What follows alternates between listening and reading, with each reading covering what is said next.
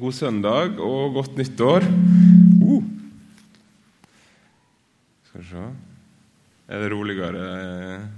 Må jeg gjøre noe med mikken, eller? Nei. Godt nyttår. Eh, jeg håper dere har hatt eh, ei fin julefeiring, ei fin nyttårsfeiring. Eh, en del av julefeiringa for mange, i hvert fall dere under 40, eh, vil være å se alene hjemme. Eh, og I den teksten som vi skal lese i dag, så møter oss et eh, litt alene hjemme-aktig scenario. Eh, kan røyse oss og lese søndagens tekst.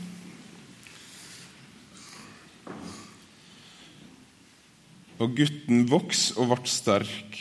Han ble fylt av visdom, og Guds nåde var over ham. Hvert år for Jesu foreldre til Jerusalem i påskehøgtida. Og Da han var tolv år, drog, han, drog de som vanlig dit opp til høgtida. Men da høgtidsdagene var til ende og de skulle fare hjem, var gutten Jesus værende att i Jerusalem, og foreldra hans la ikke merke til det. De tenkte han var med i følge, og for ei dagsreise fram før de tok til å leite etter han mellom slektninger og kjenninger. Siden jeg ikke fant han, for de tilbake til Jerusalem og leite etter han der. Men først etter tre dager fant de han i tempelet. Der satt han midt blant lærerne og lydde på dem og stilte spørsmål. Og alle som hørte på han, undra seg over hvor klok han var, og hvor godt han svarte. Da foreldra fikk se han, ble de slått av undring, og mora sa, 'Hvorfor har du gjort dette mot oss, barnet mitt?' Far din og jeg har leita etter deg og vært så redde. Men han svarte, 'Hvorfor leiter dere etter meg?' Visste dere ikke at jeg må være i huset til min far? Men de skjønte ikke hva han mente med dette. Så ble han med dem hjem til Nasaret og var lydig mot dem. Men mora så gjemte alt dette i hjertet sitt. Og Jesus gikk fram i alder og visdom og var til glede for Gud og mennesket. Kjære Jesus, takk for ditt ord til oss. Takk for det nye året. Må det nye året bli et år der ditt ord får rikelig rom blant oss her i misjonssalen. Jeg ber om at du må være med meg nå, være med oss under gudstjenesten i dag. Må du hellige oss i sannheten, far. Ditt ord er sannhet. Amen. Vær så god, og sitt.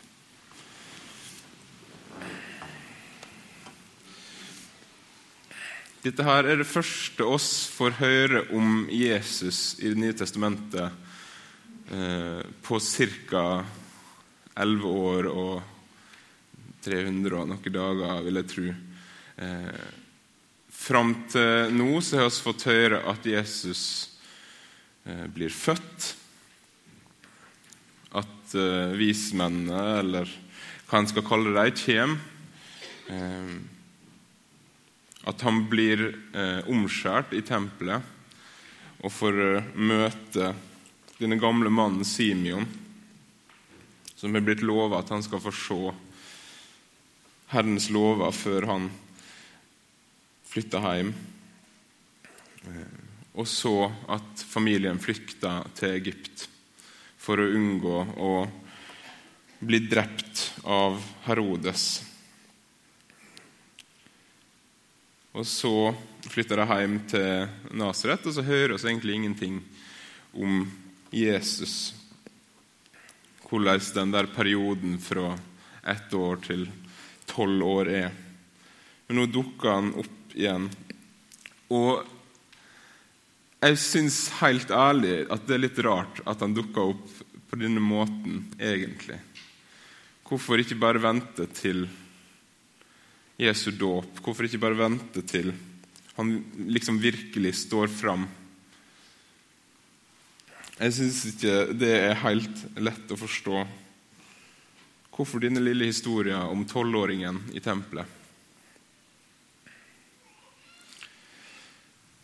Historien begynner med at gutten vokste og ble sterk. Han ble fylt av visdom, og Guds nåde var over han. I andre oversettelser så står det at Guds behag, Guds velbehag, var over han. Og Det er jo det samme som blir sagt om Jesus når han blir døpt. Når Johannes døperen døper Jesus, han stiger opp igjen, og Gud taler og sier 'Dette er min sønn, den elskede, i han har mitt velbehag'. Guds velbehag var over Jesus før det. Han var sønnen. Han var Guds sønn også nå. Han var Gud også nå. Gud i en tolv år gammel gutt. Og selv om han var Gud, så var han en tolv år gammel gutt med foreldre som, som bestemte på mange måter. Eh, så når foreldre skal på tur, så er det naturlig at tolvåringen blir med. sånn funker det i hvert fall i min familie. Eh, så de reiser til Jerusalem for å feire påskehøgtida, sånn som de bruker. Eh, og Det er jo her alene hjemme-referansen begynner for min del. i hvert fall. Du kan se det for deg når du leser her om denne karavanen av slekt og kjente. At ganske mange fra Nasaret reiser til Jerusalem for å feire påske. Stresser med å få pakka esler og eh, Har du med det? Har du med det? Har vi alt vi trenger? Har vi penger til tollen? Har vi eh, med oss nok klær? Har vi med tøy? Har vi med mat? Turen nedover der ungene begynner å mase, er snart framme. Ser det ut som å snart er framme? I hvert fall så reiser mange. Og det er flere dagsreiser, kan vi forstå, eh, til Jerusalem for å feire påske. Og står det egentlig ikke noe om hvordan feiringa var, eller eh, Eh, hvor lenge de var der. Men det står bare at når de skulle tilbake igjen, så reiser Maria og Josef og tenker at selv om de ikke finner Jesus med det, med det første når de skal reise, så tenker de automatisk at han, han, er vel en eller annen plass i denne karavanen. Antageligvis fordi det var sånn det funka litt. At uh, når vi skulle reise, så skulle vi reise, og så måtte en bare stole på at noen hadde kontroll på ungene, selv om vi ikke hadde det sjøl. Ehm, så reiser de. Og så ja, ser jeg for meg denne flyscenen, da, bare at det er et esel denne gangen. Eh, der Maria liksom går gjennom hva er det noe, er det noe jeg har glemt. Jesus. Eh, men eh, de finner ut etter ei hel dagsreise at de skal begynne å, å leite etter sønnen sin. Da, eh, da tenker jeg, jeg tenker på en måte at det er litt fint. Eh, virker som en trygg og fin karavane. Liksom når du venter en hel dag med å begynne å leite. Da er du ganske sikker på at han er der, en eller annen plass at han kommer til å dukke opp. Eh, men han dukker ikke opp. Så de begynner å leite, finner han ikke, og kan ikke fatte hvor han er. Hvor, hvor kan han være? Han må jo ha blitt igjen i Jerusalem. da. For å håper det går bra med han stakkar. Og Så kommer de tilbake igjen til Jerusalem tre dager. Tre dager etterpå så finner jeg han, og da finner jeg han i tempelet. Der det sitter en gjeng med antageligvis aldrende menn med, med skjegg og, og liksom, ja, Det er kloke, kloke folk. Og så sitter det en tolv år gammel gutt midt inni der og stiller deg spørsmål som de sliter med å svare på, og gir deg et svar som får deg til å lage mer en lyd enn en noe annet. Mer sånn huh, enn et comeback eller et oppfølgingsspørsmål. De undrer seg over denne tolvåringen, hvor, hvor godt han svarer, hvor klok han er. Men Maria er jo naturlig nok litt fornærma for at han bare velger å bli igjen her istedenfor å bli med hjem.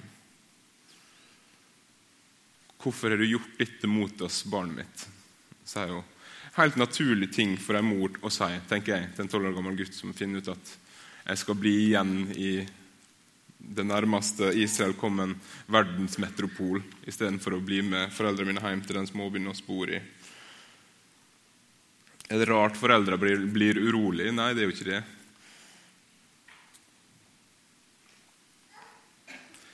Men svaret til Jesus er Hvorfor leter dere etter meg? Visste dere ikke at jeg må være i huset til far min? Maria sier, 'Hvorfor har du gjort dette mot oss, barnet mitt? Far din og jeg har leita etter deg og vært så redde.' Men han svarte, 'Hvorfor leter dere etter meg?' Visste dere ikke at jeg må være i huset til far min? Her viser Jesus første gang på en måte med noe han sier, hvem han er. Og han viser det på en måte litt hardt, kan det virke, til sine jordiske foreldre. Josef hadde jo vært far for Jesus. Det var jo han som hadde fostra han opp. Antageligvis lærte han å banke med nagler og hammer. Antageligvis lærte han å sage og lage en del ting i tre. Det var han som hadde vært med han på uh, å klatre i tre og, og alle disse tinga som en far gjør med en sønn. Men nå, tolv år gammel, så sier Jesus ganske klart ifra. Jeg er her i min fars hus. Jeg har ikke kommet hit for å være deres sønn men jeg har kommet hit for å gjøre min far i himmelens vilje. Igjen og igjen i evangeliet så understreker Jesus at hans vilje og Faderens vilje er det samme. At det han sier, ikke er hans eget, men han som har sendt ham. At han ikke har kommet for å gjøre sin vilje, men har kommet for å gjøre hans vilje, som har sendt meg. Jesus har ikke kommet til jorda for å være noen andre sin sønn, egentlig, enn Guds sønn. Han ble sendt hit av Gud, Fader, fordi Gud Fader ville noe med oss mennesker så da sendte han Jesus til jorda som menneske. Jeg veit ikke hvordan Josef reagerte på dette. Men det står om Maria at hun gjemte alt dette i hjertet sitt. Det står jo flere ganger om henne.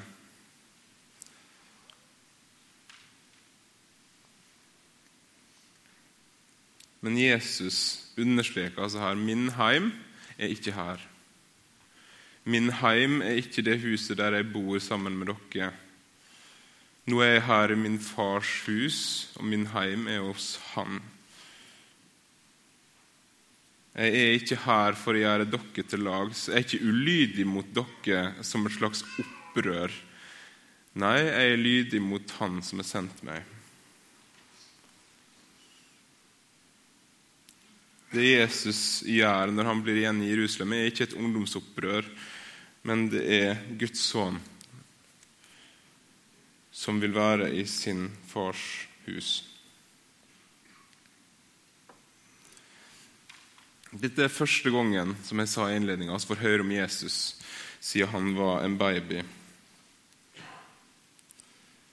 Og Det er ganske spesielt, syns jeg, denne teksten. Og jeg skjønner fortsatt ikke det kommer jeg sikkert ikke til å skjønne heller hvorfor, hvorfor står akkurat denne teksten i Bibelen. Hvorfor, hvorfor får oss høre om tolvåringen annet enn som en ekstra liten understreking av at allerede når han var ung, allerede når han var et barn, så var ikke han ubevisst på hvem han var. Allerede da så var Guds velbehag over han. Han ble fylt av visdom. Guds nåde var over ham, Guds velbehag var over ham. Og Mot slutten av teksten og Jesus gikk fram i alder og visdom og ble til glede for Gud og mennesket. Jesus var ikke ignorant til hvem det var han var. Han visste hvem han var. Han visste at han var Gud, han visste at han var Guds sønn. Allerede som tolvåring i tempelet. Han var ikke en vanlig tolvåring, sjøl om han så ut som en vanlig tolvåring. Han var Guds enbårne sønn, og han visste det. Og etter dette så visste kanskje Maria Josef det også, eller ble minnet på det.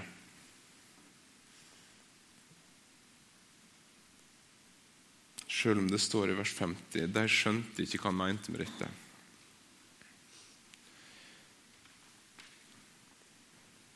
De hadde jo vært bekymra, liksom. sant?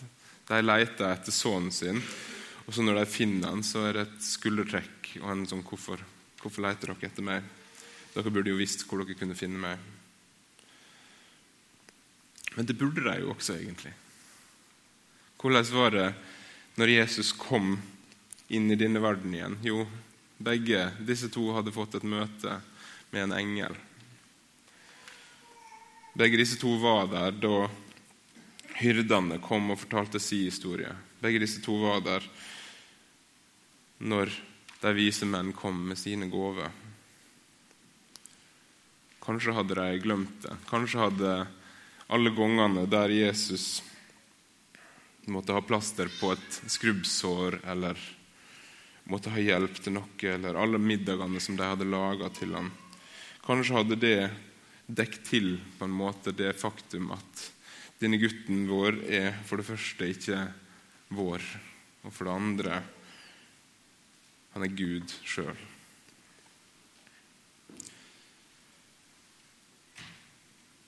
Jeg jeg blir fortsatt ikke klok på denne teksten. Men tolv år gamle Jesus viser seg som Guds sønn i denne teksten.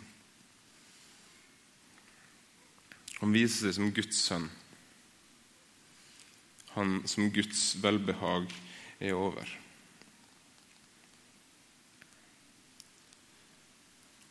Vi leser igjen disse versene som vi las fra Romerbrevet i stad, vers 4-6.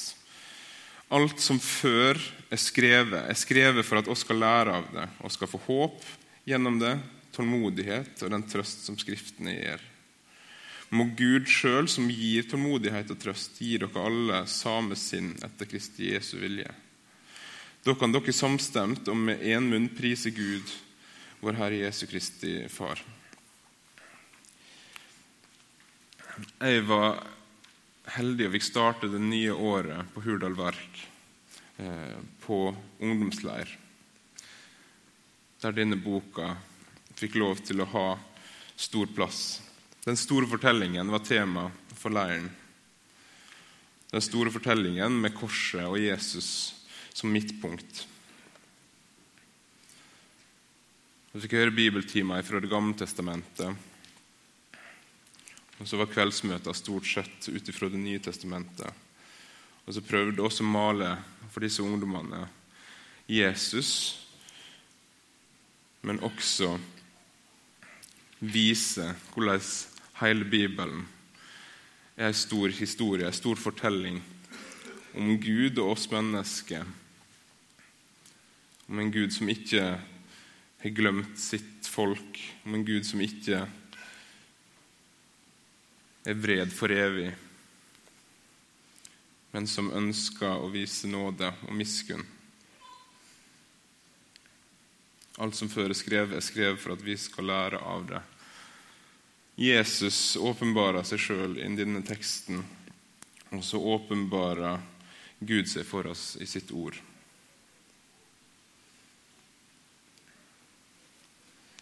Jesus er Guds sønn, og Jesus var ikke kommet for å gjøre Maria og Josefs vilje, men han var kommet for å gjøre Faderen sin vilje. Og Faderens vilje det var at Jesus skulle leve, dø og oppstå for oss.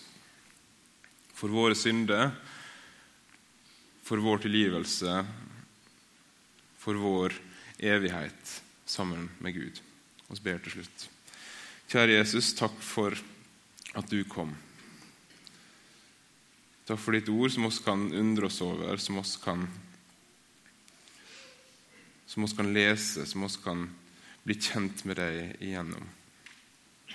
Og ber oss at du ved Din Hellige Ånd bles liv i ordet ditt for oss også dette året. Takk at du har bevart oss gjennom 2017. Må du bevare oss også i 2018. Du ser alle fristelser og farer som oss møter. Må du vise deg for oss. Du som var til glede for Gud og mennesket, må oss også få lov til å være det. I ditt navn, Jesus. Amen.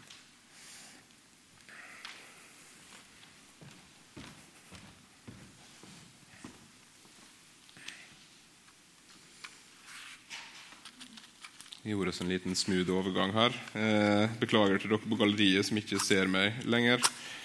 Eh, som jeg sa, så, har oss, så var jeg heldig nok til å få feire nyttår på Hurdal Verk i lag med 50 ungdommer. Og det første jeg gjorde i 2018, er det jeg skal få lov til å gjøre nå. Og det er å få rett nattvær. På leiren så var det antageligvis for første gang for mange av de ungdommene som var der. Eh, en helt fantastisk måte å starte året på. Eh, å ta imot Jesu legeme og blod, som han ga til soning for våre synder. Å ta imot den konkrete, den så konkrete måten som Gud har gitt oss det nådemiddelet som han har gitt oss, der vi får ta imot Hans nåde helt sånn håndfast, tygge på det, svelle det ned. Kjenne at vinen renner ned over halsen på oss. Eh, Gud kan virke fjern for oss av og til. Eller jeg vet ikke med Det altså, det virker av og til som at en skal føle, føle veldig masse hele tida, men jeg gjør ikke alltid det eh, når det kommer til kristenlivet. Jeg føler ikke alltid på et veldig gudsnærvær. Jeg føler ikke alltid så veldig mye i det hele tatt. Men jeg tror. Og så har Gud gitt oss i nattverden en så konkret og enkel måte der han sier at der er jeg til stede, og der gir jeg min nåde. Velkommen til nattvær.